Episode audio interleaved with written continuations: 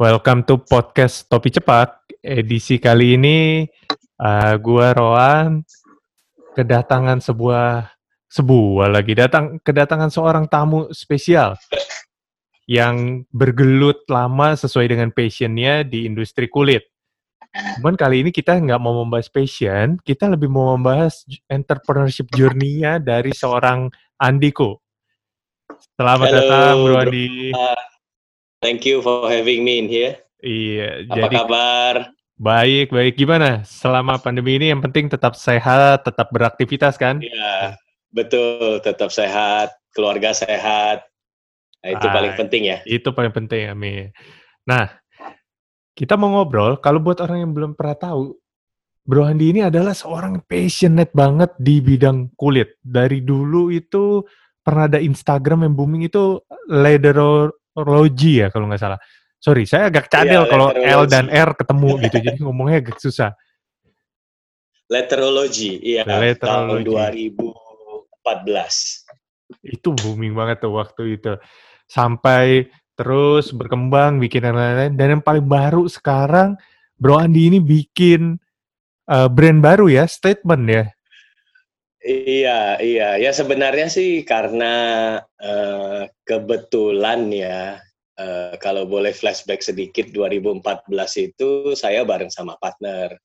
Dan memang dari dulu produksi dan lain-lain saya yang urus sampai ke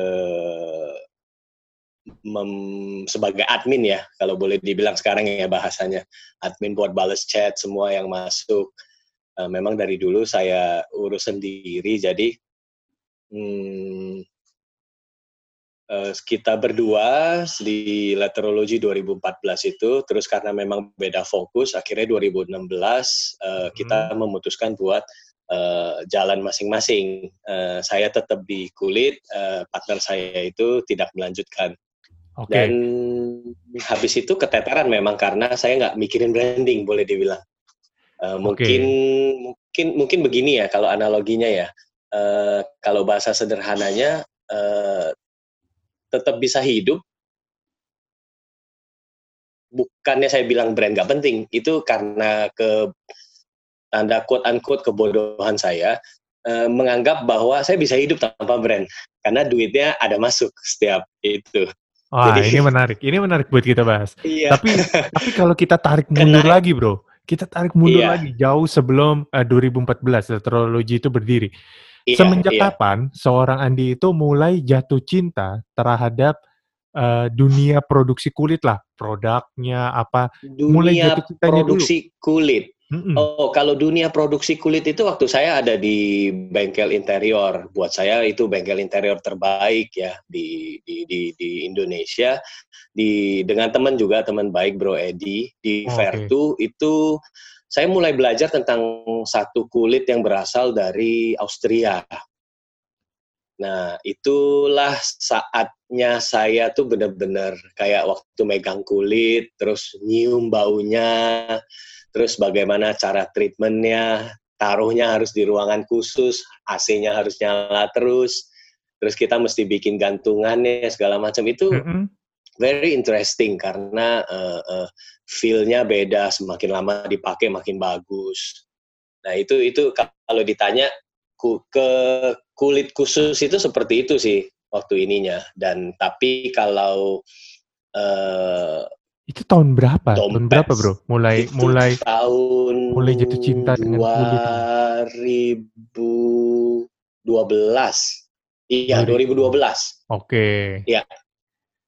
Oke, jadi awal mula 2012 jatuh mulai. cinta sama kulit itu justru karena eh, apa sama teman sama tadi Waktu disebut feel. sama Iya betul. Tapi kalau kita tarik balik lagi, kalau kita boleh ambil satu itu, kita mundur. eh, saya suka dompet itu waktu adik saya yang paling kecil itu beliin saya dompet dari hasil tabungan dia waktu dia lagi eh, magang di Singapura. Jadi dia beliin saya dompet. Saya mesti cari dulu, kayaknya saya masih simpen tuh. Eh, dompet brown duffel, saya masih ingat. Oke. Nah itu juga di saat itu saya nggak pernah dudukin dompet. Maksudnya kalau saya duduk, dompet saya pasti saya keluarin, saya taruh di meja. Iya, jadi dompet nggak pernah sampai Sejak melengkung itu. gitu kan? Heeh. Nggak pernah saya kok. Oke. Nggak pernah saya berowan untuk Ah. untuk untuk untuk itu Eh, sampai dompet melengkung itu nggak pernah terjadi sih kalau kalau di saya. Oke. Okay. Nah, mulai dari situ, mulai dari perkenalan dengan kulit yang lebih dalam di tahun 2012 ya. itu. Betul, di kemudian, itu saya mengenalku ya, belajar tentang kulit lebih lagi. Oke. Okay. Nah, kemudian apa yang membuat dorongan apa yang membuat akhirnya 2014 berani uh, mengeluarkan sebuah brand kulit waktu itu? Brand kulit dalam arti maksudnya uh, brand produk kulit sih, letterology itu. Apa ada iya, dorongan betul. apa yang membuat akhirnya ah uh, gue berani deh nih, gue mau bikin produk sendiri, gue mau launching brand gue sendiri. Apa kan kadang-kadang kita kita butuh mendengar kapan sih orang itu mulai ada satu titik yang membuat mereka berani akhirnya gue mau terjun nih, mau nyebur gitu. Sebenarnya nggak nggak nggak nggak ada satu yang uh, ekstravagan event gitu ya, karena uh, kami mulai sangat kecil uh, dengan dengan duit yang memang kita punya istilahnya gitu. Uh, jadi memang uh, penyebabnya sih ya karena saya sama partner saya yang dulu itu ngobrol gitu, terus Uh, kita bikin yuk gitu. Dia panggil saya kok kan eh, kita bikin yuk kok uh, apa uh, barang kulit gini gini gini. Terus kita coba coba survei segala macam. Akhirnya kita memutuskan bahwa di di di sana tuh tidak ada di saat itu tidak ada uh, sangat susah menemukan paspor holder Awalnya akhirnya produk pertama yang kita gitu. bikin ya hmm. produk yang pertama kali kita bikin itu adalah paspor holder nah terus kan kita mulai kita nggak punya dana, kita nggak punya modal besar gitu. Uh, saya kalau boleh disebut angka, saya keluar satu juta, dia keluar satu juta di saat itu. Oke. Okay. Nah, terus saya bilang sama dia, kita kan nggak punya duit nih. Kalau misalnya ini jalan, kita agak susah kan, istilahnya begitu. Terus saya bilang sama dia, kita bikin aja sesuatu yang personalized. Saya kebetulan ada kenalan uh, uh, yang bisa engrave dengan mesin laser. Mm-hmm. Akhirnya saya bilang sama dia, kalau misalnya kita bikin personalized, uh, kita bisa minta orang itu bayar dulu. Bener dong? Karena kan itu customize kan buat dia kan. Betul. Nah itu sebenarnya dulunya sih begitu ya. Kenapa? Terus uh, akhirnya disetujui dan kita berhasil bikin dari hasil modal pertama itu 11 piece passport holder. Itu awal mulanya. Dan jualnya juga ke teman-teman deket aja. Maksudnya nggak nggak nggak ada kirim pakai Jenny sama sekali. Benar-benar cuman uh, ketemu kasih ketemu kasih gitu jadi kayak support dari teman-teman lah gitu untuk yang awal awal mulanya sih seperti itu oke jadi 2014. dengan modal yang seadanya itu ya waktu itu cara ngakalin Betul. perputaran uangnya atau cash flow-nya itu adalah dengan oke okay, kita bikin produk customize jadi dengan customize ini ya. orang harus ada mereka harus waktu itu store dulu atau DP dulu? Sorry bro. Mereka store full payment sih bro. Full payment dulu. Jadi mereka iya full payment, terus uh, kita kan soalnya engrave namanya masing-masing, terus kita kirim ke mereka. Oke, dengan itu, dengan strategi awal itu, itu bisa membuat dengan modal yang kecil itu tetap berputar jadinya gitu kan ya? tetap berputar ya betul karena uh, memang kita kan nggak ada kantor nggak ada toko kita benar-benar online jadi uh, fixed cost per bulannya memang kecil ya istilahnya gitu tidak tidak banyak lah gitu nah kalau saya boleh itu juga di 2014 itu uh, di saat oh ya kita jual hanya dari Instagram tidak punya ini yang lain ya. Jadi hanya di Instagram 2014 uh, di saat itu kan belum ada endorse endorsean kan. Tidak seperti sekarang. Jadi uh, piece ke 11 itu saya masih ingat uh, saya kontak ke salah satu uh, penyanyi rohani di di kebetulan kita satu gereja dan saya kenal sama dia.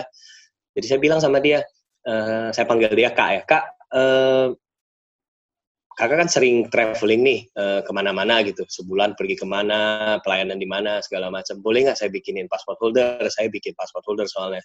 Ada pakai namanya. Jadi kalau boleh uh, saya pengen bikinin buat kasih terus dia bilang oh boleh dong kata gini terus saya masih ingat hari minggu itu saya kasih dia di gereja so siangnya jam 2 jam 3 gitu dia post di hari itu sepertinya kita bertambah followers sekitar tiga ribuan. Oke, oke. Itu. kaget banget nah, dong ya? Bukan kaget, tiba-tiba tiba-tiba handphone bunyi terus, notifikasi masuk gak berhenti. Nah kita kita memang lock uh, accountnya dari awal hanya untuk menunjukkan bahwa uh, semua followernya generik, uh, nggak ada yang kita beli. Mm -hmm. Nah kaget kan dan kebetulan kan memang handphone jualan saya pegang. Saya bilang sama partner saya, ini follower nambah terus nih, saya bilang. Yuk kita langsung buka aja batch kedua. Biasalah ya maksudnya uh, kita manfaatkan kesempatan ini gitu. Betul. Kita buka batch gitu kedua. Gitu kan. Iya, kita buka batch dua, kita bikin dua lusin, terus kita tawarin, kita post gimana? Oke, post lah. lima menit habis kok. Bro Rawan, ah, lima menit selesai. 24 piece itu saya masih ingat. Gokil ya. Jadi emang emang nah, orang yang datang ke sana emang su udah suka mau lihat dan akhirnya langsung beli gitu kan.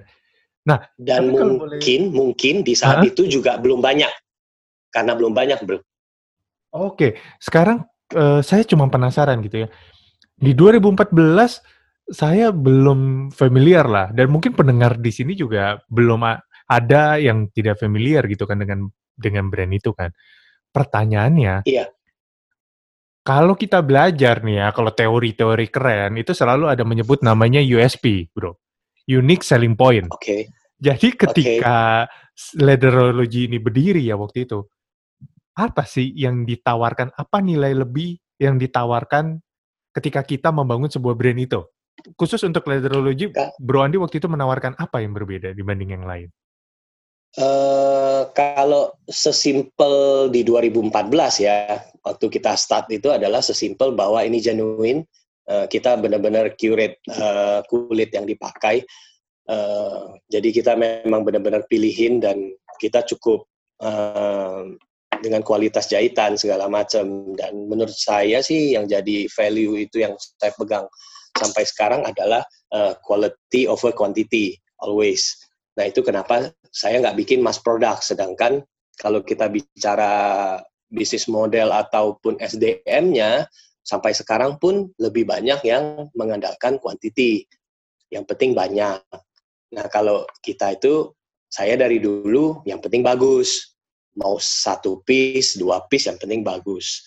Plus lagi dengan personalized nama itu ya, di saat itu tidak ada. Di saat okay. itu hampir jarang sekali. Oke, okay. itu berarti berarti dua yang uh, kalau saya boleh catat yang pertama itu adalah quantity over sorry quality over quality quantity over quantity Betul, jadi yang kedua personalize. Personalize. Oke. Okay.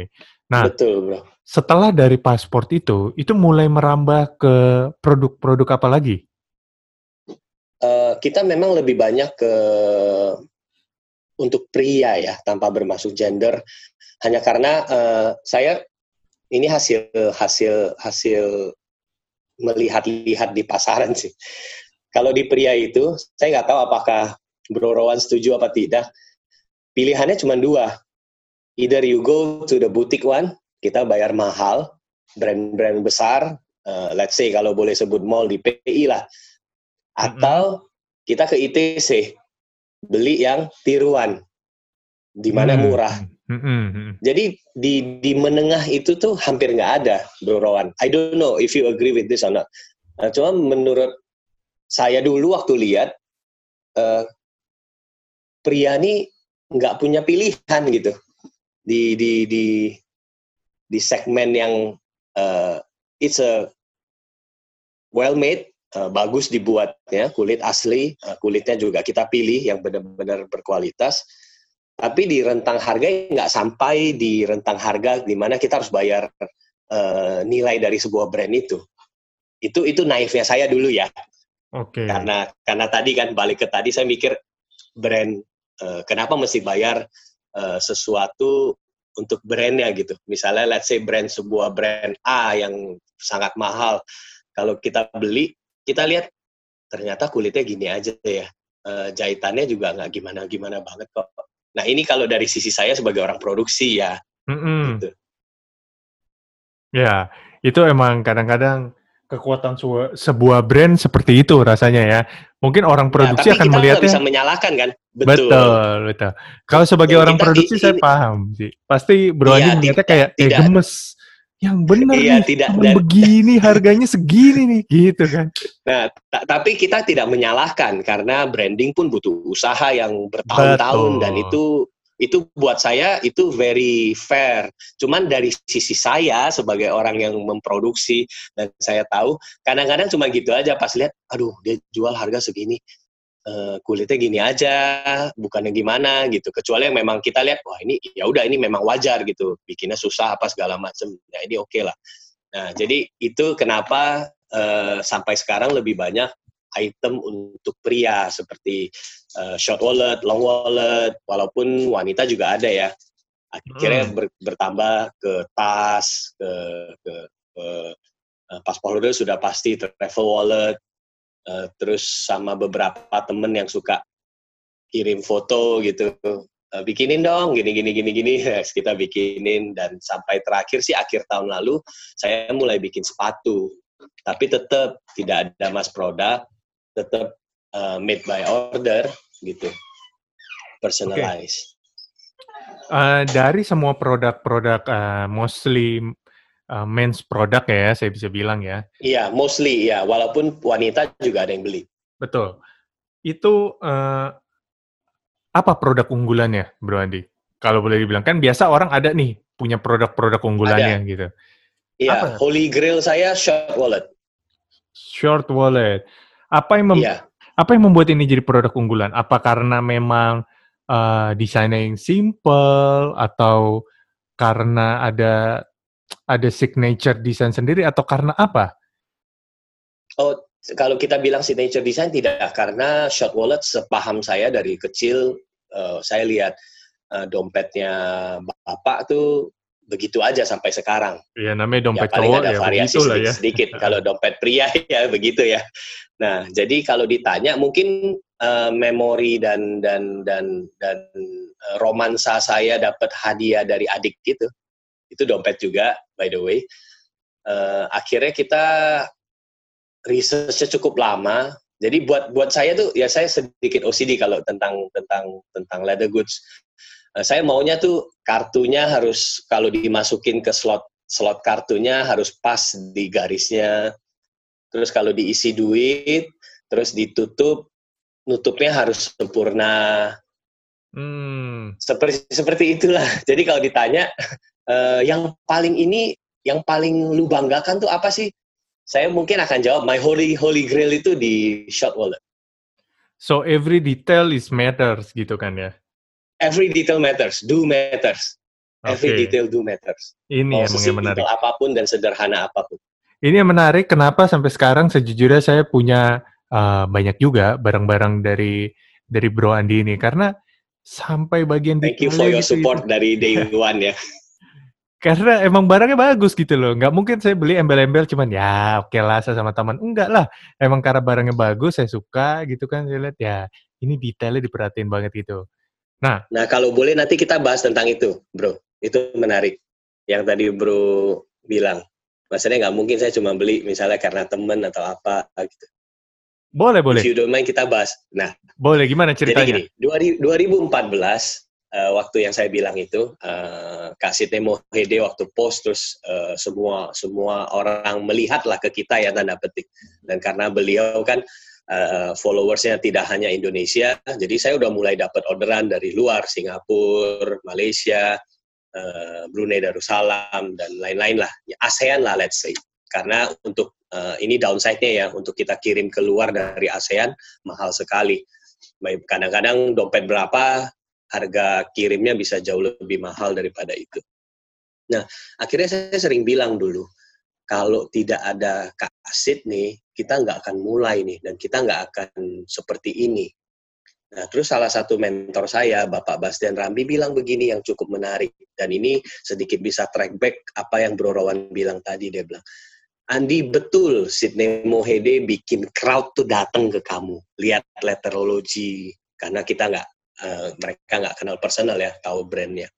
Tapi jangan salah dia bilang, untuk orang yang mau stay dengan brand itu dan mau keep on repeating order itu sudah bukan Sydney Mohede-nya lagi. Itu sudah letterologinya. Di mana mereka melihat, yes, it's worth the money. Yes, the quality is there. What I want is in there. Dan ini bisa dipakai dalam jangka waktu yang cukup lama karena secara teori kalau kulit asli itu semakin dipakai semakin smooth, semakin minyak alaminya keluar, semakin enak dilihat, semakin enak dipegang, semakin wangi. Nah, itu sudah bukan sistem lagi. Itu sudah letterologinya. So sometimes tidak mengecilkan perannya Sidney sama sekali, tapi you need to take credit on all of the hard works that you do, semua menit yang terkuras di workshop, sampai jam berapa, sampai subuh, untuk mengerjakan sesuatu quality, untuk mengantarkan sebuah quality kepada customer yang beli, sampai mereka menjadi eh, orang-orang uh, yang puas. Karena kan kalau kita beli sesuatu, kita cuma baginya dua kan, puas sama tidak puas. Nggak ada tuh yang di tengah-tengah gitu. Ya di tengah-tengah mungkin kadang ada, tapi biasanya nggak akan diingat. Either hmm. kita puas atau kita tidak puas. Nah kalau puas berarti itu sama dengan uh, berarti itu hasil kerja keras kita untuk mengantarkan sebuah produk yang baik. Analogi yang lain mungkin sama seperti tempat makan. Tempat makan yang baru buka, bayar semua food blogger yang terkenal mahal-mahal. Akhirnya di tiga bulan pertama semua orang harus antri. Mungkin kita harus reservasi 3-4 jam untuk kita bisa makan. Tapi apakah akan balik lagi? Itu sudah hal yang lain kan? Kalau makanannya enak, harganya sesuai, oke, okay, kita merasa, eh ini worth it, balik lagi. Kita pasti akan balik lagi. Tapi kalau seandainya nggak worth it, mau yang promoin siapa pun, kita biasanya nggak akan balik lagi. Dan menurut saya itu salah satu hal yang menarik sih. Dan itu yang saya jaga sampai sekarang. I build a very good relationship sama hampir semua customer karena itu kenapa saya nggak mau pakai admin sama sekali. Uh, jadi hampir sekarang cukup banyak yang jadi teman-teman baik dan di saat nanti mungkin kita akan ke sana. Di saat pandemi seperti ini it's all my my my harta karun ada di sana. My context my my good relation lah ya apa customer itu treasure-nya itu semua ada di good yeah, relation that's my treasure. Yeah networkingnya that, that's gitu ya. my, betul oh. sekali bro. Jadi ini menarik. Um, dalam arti begini semua orang ketika membangun bisnisnya masing-masing itu punya value mereka masing-masing kan. Nah, yes. kalau di sini saya ngelihat value yang dijaga oleh seorang Bro Andi adalah uh, kualitas produk sudah pasti nomor satu. Tapi di luar dari itu adalah how to treat your customer. Itu how to treat your customer nicely as if mereka semua VIP customer gitu. Seakan-akan kayak gitu yeah. kan kalau yang saya nangkep kan. Iya, Betul, karena tidak ada mass product. That's why everyone is uh, not everyone is VIP, but everyone that come to me itu VIP karena uh, rata-rata uh, yang mereka beli itu hadiah, baik hadiah buat orang tercinta mereka maupun hadiah buat diri sendiri. Jadi I have to treat it very nicely. Oke, karena ini hadiah berarti mau nggak mau uh, ketika membuat produk itu harus menempatkan dirinya sebagai seakan-akan orang yang mau ngasih hadiah itu dong ya, kayak gitu ya, kurang lebih. Apa Betul. gimana bro? Dan kak, dan nah, biasa begini, misalnya istri mau kasih hadiah ke suami misalnya gitu ya, hmm. saya paling sering nanya, saya paling sering bukan bukan menggurui, tapi um, kasih tahu ke istrinya itu adalah e, maaf yang nanti akan pakai ini suaminya loh, bukan kamunya. Jadi yang harus kamu mesti tahu nih suami sukanya warna apa, bukan yang disukain sama kamunya. Begitu kurang lebih. Jadi biasanya karena kita chat uh, langsung gitu, biasa saya akan tanya itu, suaminya suka warna apa, sukanya seperti apa, kartu yang dibawa berapa, apa segala macam, apakah suka bawa cash atau orangnya lebih cashless, karena itu menentukan semuanya kan.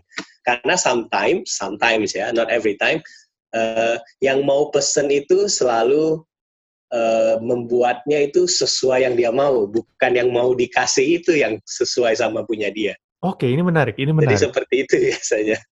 Ini menarik karena tanpa kita sadari, kadang-kadang ketika kita mau memberikan sesuatu gitu ya ke orang lain, itu kita yeah. lupa menempatkan diri kita sebagai orang tersebut Betul. gitu kan. Tapi lebih Betul. ke yang menurut kita ini bagus gitu ya. Betul. Betul. Okay, Dan okay. itu nggak ada yang salah dengan itu sama sekali. Karena kan kita kan kita mau kasih hadiah ke orang itu kan ekspresi ekspresi cinta kasih kita sama orang tersebut. Nah, uh, cuman cuman kadangkala kita tuh lupa gitu kayak, ayo ini bagus nih gitu. Padahal belum tentu maaf orangnya sesuai gitu, sesuai Betul. sama yang mau dikasih. Nanti kalau nggak kalau apa, kalau selera jadi kita hanya hanya iya. hanya saling sharing aja di di di, di chat itu gitu. Iya, karena karena nanti ujung-ujungnya begitu dikasih gitu ke orangnya, toto selera nggak nggak cocok gitu, akhirnya malah berantem gitu kan. Ini apa yang jelas? Ini kan udah bagus ini ya bagus. Betul. Siapa ya makanya siapa gitu. Oke, ini jadi menarik. Iya, sama sama sama yang yang yang saya pengen itu adalah uh, karena ini hadiah. Ini sebenarnya diajarin juga sih sama salah satu mentor saya dia dia pernah bilang begini, kalau saya mau kasih barang ke sesu, sesuatu hadiah ke orang, saya harus pastikan bahwa dia akan pakai. Jadi kalau ditanya KPI-nya apa di itu, jadi sudah hal yang lumrah. Setiap kali saya setelah jualan, saya pasti nanya sama yang pesen atau buat dia sendiri, bagaimana, apakah ada yang tidak cocok, tidak sesuai atau bagaimana. Kalau memang tidak ada yang ada yang tidak sesuai, silahkan kirim balik. Kalau mau di refund full juga tidak apa-apa, karena saya garansi itu. Karena ada satu cerita, kalau boleh saya cerita, boleh boleh, uh, Bro Rawan. Hmm. Uh, selama dari 2014 sampai 2020 ini hanya pernah sekali saya full refund, dua kali, dua kali full refund. Yang satu itu karena dia menganggap uh, warna marun yang ada di postingan saya dengan aslinya itu tidak sama. Akhirnya dia minta full refund, saya full refund. Yang kedua ini lebih menarik. Jadi istri ingin memberikan hadiah kepada hadiah ulang tahun kepada suami. Dia kontak saya. Nah itu tadi nih, saya juga belajar dari sana. Akhirnya dia bilang, eh saya pengen begini, begini, begini, begini dompet, begini, begini, warnanya ini, ini, ini, ini, uh, pakai box kayu, terus tulisannya ini, ini, ini, kasih nama. Akhirnya saya bikin kan, saya bikin semua sesuai, sesuai idea apa dari yang istrinya ya. Iya, ya. Ses sesuai instruksi dari istri kan. Betul. Akhirnya ya udah saya kirim. Istrinya suka. Aduh bagus banget gini gini gini gini gini. Oke. Terus suaminya kalau nggak salah ulang tahunnya beberapa hari kemudian. Akhirnya seminggu kemudian saya tanya, e, maaf saya ganggu. Saya mau tanya apakah sudah kasih ke suaminya? Oh sudah. Bagaimana tanggapan suami? Saya tanya gitu kan. Terus dia bilang, hm, agak sedih sih. Dia bilang saya, oh kenapa? Apakah nggak sesuai atau gimana? Dia bilang, e, kayaknya dia nggak nggak gitu suka karena dia maunya brand.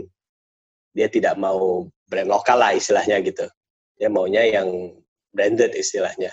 Terus saya bilang sama dia, e, oh gitu ya, kembaliin aja. Saya full refund. Walaupun sebenarnya saya punya hak 100% untuk bodoh amat karena Iyalah. Kalau, it's not my fault. Maksudnya, maksudnya it's not my fault at all gitu. Saya bikin sesuai dengan yang apa yang uh, istrinya minta ya, persis seperti apa yang istrinya minta. Tapi saya bilang uh, kirim balik aja. Nanti saya kirim balik duitnya. Nggak apa-apa. Saya masih punya sampai sekarang uh, dompet dan boxnya itu saya simpen. Dan di sana saya belajar, uh, well, uh, I may lose profit I may lose money tentunya karena itu sudah dibuat dan saya nggak bisa jual lagi karena ada nama iya, nama suaminya kan. gitu kan? mungkin saya iya nggak mungkin saya jual ke saya misalnya gitu namanya Andi terus tapi sedangkan di di dompetnya namanya Budi let's say gitu. Kan nggak mungkin saya saya bisa jual. Dan akhirnya cuman secara psikologi saya puas. Puas karena I keep my value I keep my integrity I keep my how I'm doing this business karena uh, walaupun kita tidak bisa menyenangkan semua orang, tapi saya pengen yang beli itu at least satisfied, at least uh, dia tahu bahwa I'm genuinely uh, put everything that I can ke mm-hmm. barang itu. Tapi kalau dianggapnya itu tidak sesuai dengan ekspektasi, please balikin aja, saya kirim balik duitnya. Nah itu sih kalau ditanya saya punya uh, uh, uh, how I'm doing this gitu. Oke. Nah, sekarang seiring berjalannya waktu, value-value itu saya yakin tidak tidak pernah luntur gitu kan ya. Nah, betul. Tapi produknya kan merambah nih. Kayak sekarang kalau boleh iya. di-share gimana sih awal mula akhirnya mengeluarkan dari oke okay, dari dompet gitu sampai akhirnya mulai bikin sepatu. Apa dan apakah sepatu ini di treatment sama uh, saya kemas ulang pertanyaannya. Mungkin kayak gini. Kalau dompet itu barangnya relatif lebih kecil dan lebih lebih common gitu maksud saya, ya kan? Paling Iya, beda iya. slot atau apa. Tapi ketika, ketika bicara membuat sebuah sepatu, sepatu itu kan modelnya itu lebih banyak, variasinya lebih banyak dari Iya. dompet menurut saya gitu ya, variasi lebih banyak. Iya. Dan ada Iya. size-nya. Apakah itu Iya. tetap di-treat sama the way you treat your wallet customer gitu maksudnya ya? Atau Iya. dibikin beda gitu? Kalau tetap sama, gimana sih caranya bisa membuat hal-hal yang kayak tadi gitu tetap personalize, terus tetap menjaga hubungan baik ya dengan VIP. Gimana nih kalau kalau kasusnya sebuah sepatu nih gimana caranya nih? Tetap sama kalau boleh dijawab di Wah, ini pertanyaan luar biasa pertama tetap itu. sama. Jadi jadi kalau Tetap buat sama. sepatu gitu So, ya, ada nah ada size misalnya, chart atau say gimana? Ini menarik. let's say Bro Rowan mau bikin sepatu. So, Oke. uh, I uh, saya bagi dua uh, untuk sepatu. Satu adalah made to order, satu lagi adalah bespoke. Dua-duanya tidak ada yang ready stock. Banyak orang yang bilang bahwa kalau saya pakai sepatu pantofel ya sebutannya ya, atau dress shoe di bahasanya, itu Mhm. tuh rasanya pengen cepet-cepet pulang buka sepatunya. Bener nggak? Benar, benar. Kebanyakan begitu. Kecuali yang terbiasa ya. Misalnya saya saya eh, Bro Rowan kantor ya. Jadi kan harus rapi. Kalau saya kan anak jalanan yang yang ke meja juga nggak tahu sebulan pakai sekali apa enggak gitu. Jadi kalau Bro Rowan kan lebih lebih lebih terbiasa pakai pantofel atau dress shoe. Nah, walaupun kultur sneakers sekarang cukup kuat, tapi saya tetap percaya bahwa everyone needs one pair of dress shoe. Everyone, karena uh, we don't know akan ada satu oc- occasion yang atau event yang uh, dia perlu pakai. Nah, balik lagi ke sana. Perbedaan kita dengan toko itu adalah kalau toko hanya memperkirakan satu metrik panjangnya kaki. Itu semua yang ada di toko, yang yang yang uh, ready product, mass product. Betul. Size Nah, chart umumnya saya begitu kan ya, yang paling pasti gampang. hanya panjang karena iya kan US 7, US 8, US 9, Iya. paling nanti kalau yang Jepang punya kan sentimeter langsung 24, 25, 26, 27, 28, 27 setengah gitu. Kan hanya ada satu metrik, metrik metrik panjang. Nah, untuk made to order saya tambahin satu metrik lagi, metriknya lebar. Oke, menarik. Ini menarik, ini menarik. Karena biasa Nah, orang jadi itu lupa memperhitungkan kalau kita bicara sepatu itu punggung punggung kaki kita tuh kadang-kadang lebih lebar, jadi sakit, cenderung sakit yang deket. Kalau saya tuh itu kenapa pengalaman, sakit? iya, sedikit sakit yang dekat jari kelingking kalau saya. Iya, Biasanya. kelingking, betul. Either kelingking, either di bawahnya kelingking. Karena biasa orang ada sedikit tulangan di sana. Betul, oke. Jadi ditambah Nah, lagi. Iya, saya tambah metrik lagi, yaitu lebar. Nah, itu biasanya kalau let's say Bro Rowan mau bikin, saya akan pasti eh, kalau memungkinkan untuk bertemu, kita bertemu, saya gambar kakinya, ukuran kakinya, supaya tahu panjang dengan lebarnya. Dan eh, Sorry, saya potong dulu. apa ya? Kita ketemu, maksudnya berarti Bro Andi datang ke saya gitu atau kita janjian di suatu tempat dan Bro Andi akan datang gitu, ngunjungin customer-nya? Awalnya begitu, iya, awalnya begitu. Oke. Walaupun eh, ya, ya beg- eh, biasanya sih begitu ya, kecuali yang dari luar kota atau apa gitu. Biasanya dia ukur sendiri, terus atau yang tidak butuh untuk bertemu, ada juga klien. Saya mulai kan bulan 11 ya jualan, sampai sekarang tuh sekitar 50-an per lah ya, lumayan. Eh, banyak juga yang nggak bertemu. Maksudnya dia gambar sendiri, terus dia kasih saya ukurannya, terus bi- biasanya saya nanya, e, biasanya pakai ukuran sepatu ukuran berapa? Itu Oke. sebagai patokan ya. Heeh, Nah, heeh. Nah, dan kiri dengan kanan tuh bisa berbeda, Setuju, Bro Rowan, setuju banget. gitu. Apalagi untuk untuk kita yang eh, aktif berolahraga, Iya, itu bisa berbeda. Main bola misalnya, nanti akan ada kapalan di bagian tertentu. betul nah, itu betul. yang terus dari saya mengerjakan ini, saya bersyukurnya adalah saya banyak membantu teman-teman yang white foot, flat foot and white foot. Karena teman-teman juga ini bisa terbantu. terbantu. karena nggak semua orang punya cekukan di ceku, cekungan di, di di kakinya kan di telapak kaki kan iya kita betul dan arch.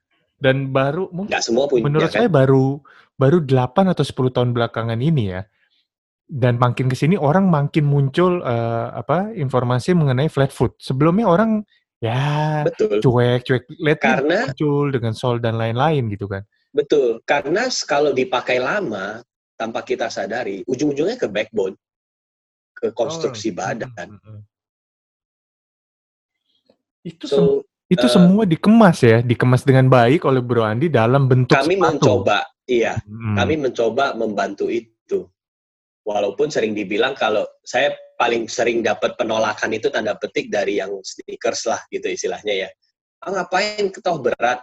Uh, ya, secara materi pasti berat karena dress shoe pasti begitu. Tapi dipakai belum tentu. Oh tapi oh, iya, kita akan feel very stabil. Tapi dan peruntukannya kan juga beda. Peruntukannya, Apa, peruntukannya beda, beda gitu. Walaupun sekarang makin banyak kultur-kultur. Nah, balik ke sana lagi, saya tambahkan satu lagi, Bro Rowan. Itu bespoke. Bespoke itu lebih complicated lagi. Kita menambahkan metrik tebelnya kaki. Oke. Okay. Jadi Ini not only panjang, uh-uh. nggak hanya lebar, tapi tebelnya kaki. And in the end, saya punya cetakan kakinya Bro Rowan yang dedicated, nggak campur sama orang lain, tapi hanya punya Bro Rowan.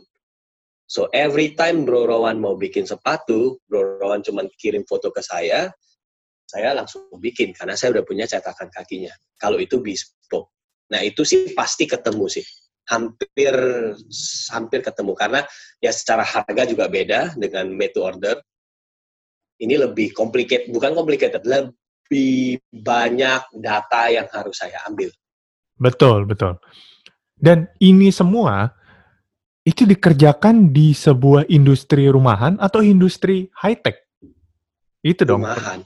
Nah, ini yang luar I'm biasa. I'm doing traditional traditionally made. Semua pakai tangan.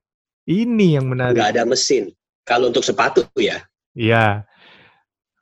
Berarti boro-boro ada ada mesin boro-boro ada ada gambar 3D yang kayak keren gitu. No, no, no, no. Nggak ada. Mohon maaf dan saya juga bukan orang desain, so saya nggak bisa bikin. Biasanya Ini pakai menarik. foto aja.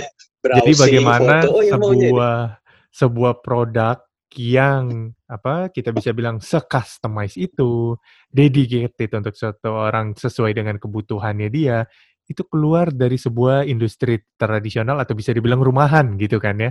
Ini luar biasa. Rumahan, iya, rumahan tradisional. Eh, dan sebenarnya kalau di dunia dress shoe itu adalah yang termahal sih.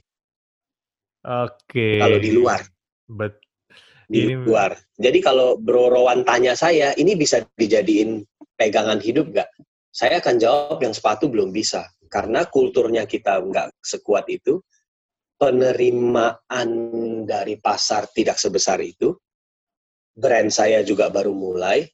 Jadi kalau dibilang, ini bisa nggak jadi pegangan hidup? Nggak bisa. Harga yang saya jual itu paling sepersepuluhnya harga pasaran ini mungkin maksudnya sekarang belum bisa kali. Tapi karena ya, karena marketnya betul. belum belum settle gitu kan? Iya, kita bicara di luar ya, di Eropa atau di Jepang. Itu kalau bespoke ya, yang benar-benar ada cetakan kakinya, apa segala macam, itu tuh sudah di angka 4 ribuan dolar. Oh, dengan proses pengerjaan yang persis dengan apa yang kita kerjakan. Oke. Kalau ditanya, lu kalanya apa? Di saya akan bilang kulitnya. Kulitnya? Karena iya, dari yang saya jual sekarang nggak mungkin saya pakai kulit dari Italia, let's say, nggak kekejar. Oh iya. iya. HPP dengan harga jualnya nggak kekejar. Tapi kalau saya pernah dapat klien yang mau pakai saya mau pakai calf skinnya Itali. Oh bisa aja. Saya beli sebagai informasi saja, saya beli calf skinnya aja tuh mau 7 jutaan. Wow. Kulitnya toh ya. Belum, Dan itu bisa jadi berapa ya. bisa jadi berapa piece sepatu?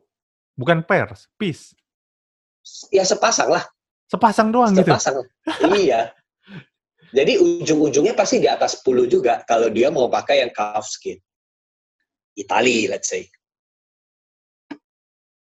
Okay. Jadi kalau ditanya, sepatu lu sama yang lain kalahnya di mana? Saya mungkin akan jawab ya kalahnya di kulitnya walaupun pelan pelan pelan sedikit demi sedikit saya langsung uh, saya akan memperbaiki itu terus. Tapi untuk konstruksinya karena buat saya itu konstruksi sepatu itu kayak pondasinya rumah itu yang terpenting. Kalau saya sudah bikin bisa bikin dengan dengan konstruksi yang terbaik kulitnya itu kan tinggal ganti aja. Maaf kalau kliennya memang mau badan ada budgetnya ya tinggal beli aja kulitnya. As simple as that. Tapi okay. how I made that uh, shoes adalah sama, sama aja. Mau atasnya pakai, maaf, sintetis pun ya caranya sama aja. Sama ya. Oke. Okay. Iya. Kita ta kita tuh sudah mendengar uh, apa singkat cerita mengenai perjalanan sampai ke sini dan sekarang membuat apa. Nah, tanpa kita sadari waktu podcast juga udah berlangsung, udah kita udah hampir di ujung acara nih. Saya kalau boleh, saya mau dengar lagi nih, Bro Andi. Apa impian ke depannya untuk dua hal? Yang pertama, untuk bisnis sendiri, apa sih impian untuk ekspansi bisnisnya? Yang kedua, dari sisi produk, apa yang masih penasaran pengen dibuat? Kalau boleh untuk mengakhiri sesi ini, silakan Bro Andi. Oke.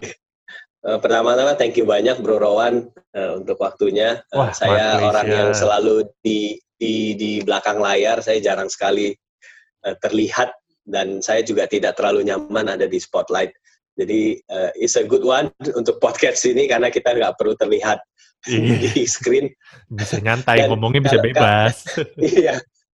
kalau ditanya ini dari dulu dan sebenarnya uh, di di di tahun ini saya ada baca buku Trevor Jarvis Jarvis depan nama lengkapnya saya mungkin agak salah The Company of One uh, itu kayak meng, men, menginspirasi, mem, menyatakan bahwa uh, okay. what I'm doing is good enough. Uh, jadi di, uh, targetnya itu adalah to be better, not to be bigger. To be better, not to be bigger. Oke. Okay. Kalau untuk uh, bisnis saya ya, jadi yeah. saya nggak nggak nggak bermimpi nanti buka store 10, buka ini apa segala macam nggak ada sih. Saya kalau mau juga saya saya punya mimpi sih satu. Eh, saya saya punya showroom satu, eh, bawahnya jualan makanan dan minuman, atasnya showroom gitu. Pengennya sih itu dari dulu ya, dari dari dulu saya catat. Saya suka catat di buku mimpi saya. Nah, kalau kalau kalau itu untuk bisnis saya. So I, I only want to be bigger. Eh, I only want to be better. I I do not want to be bigger kayak gimana gitu. Karena we start very small dan untuk saat ini pun kita cukup uh, bersyukur dengan apa yang kita bisa support teman-teman yang lain atau company-company yang ingin memberikan hadiah eksklusif buat VIP-nya. Eh, itu kita juga yang yang yang paling yang yang goal dan kebahagiaan paling besar itu adalah uh, kalau seseorang itu kayak kasih feedback misalnya company gitu uh, kayak kemarin lagi corona seperti ini, saya pernah grab sebuah hadiah dari se se sebuah company ke VIP-nya itu, grab Jakarta ke Bogor. Grabnya aja 400 ribuan. Wow. Dan saat terima feedback balik, mm -hmm. itu rasanya tuh bahagia banget. Bapaknya suka yang dikasih, uh, say thank you ke semua bos yang ada di company itu, dan PIC yang kontak saya itu forward forward WA-nya WA-nya dari bos-bosnya ke dia, pujian ke dia ke saya. Karena sebenarnya istilahnya uh, ya kita bisa deliver dengan baik ya gitu. Nah itu sih uh, hal-hal seperti itulah gitu. Saat istri terima hadiah dari suami seneng, difotoin nama suaminya kirim ke saya, itu itu itu itu itu sangat sangat sangat sangat sangat Eh, berarti buat saya gitu. Sama dari seseorang stranger uh, kenal hanya di chat gitu, tiba-tiba uh, kita bisa konsultasi bla bla sampai akhirnya saya ada undangan tanggal 27 ini uh, di holy matrimony pernikahannya mereka. Walaupun hmm. via Zoom buat saya itu amat sangat amat Berkesan sangat banget, iya. berkesan dan berarti. Nah itu dari sisi bisnisnya. Kalau dari sisi produknya, eh, saya punya keras kepala gini, terutama untuk sepatu ya, karena yang yang terakhir ini sepatu. Walaupun ini di- belum bisa dijadikan pegangan hidup, gentleman store di Indonesia. Maaf untuk eh, para gentleman store owner yang mungkin mendengar ini, eh, kenapa kalian tidak mau menjual merek Indonesia, sepatu Indonesia? Rela-rela eh, masukin barang dari beberapa brand yang mungkin terkenal dari Amerika atau dari Spanyol. Iya. Nah, goal saya itu. Saya mau masuk ke gentleman store di Indonesia, brand Mas. Indonesia. Oke, oke. Jadi harapannya dalam beberapa waktu ke depan kita harusnya bisa melihat nih produk uh, kulit, produk Amin. gentleman di apa Amin. made by uh, Indonesia itu bisa masuk Dan di kalau dita kalau store, Korowan gitu kan. tanya saya, Bro Rowan tanya saya produk apa lagi yang belum, ada satu di buku mimpi saya yang belum tercapai, jaket. Jaket kulit. Oke, ini menarik. Semoga bisa menjadi kenyataan. Semoga. Siap, amin. Oke, kalau gitu Bro Andi, thank you untuk waktunya. Thank Terima you kasih banyak Bro Rowan dan. Topi Cepat Podcast. Sukses selalu, sehat-sehat selalu. Sehat-sehat semua, sukses terus untuk kulitnya. Kita ketemu lagi di lain kesempatan. Oke, thank you pendengar Topi Cepat.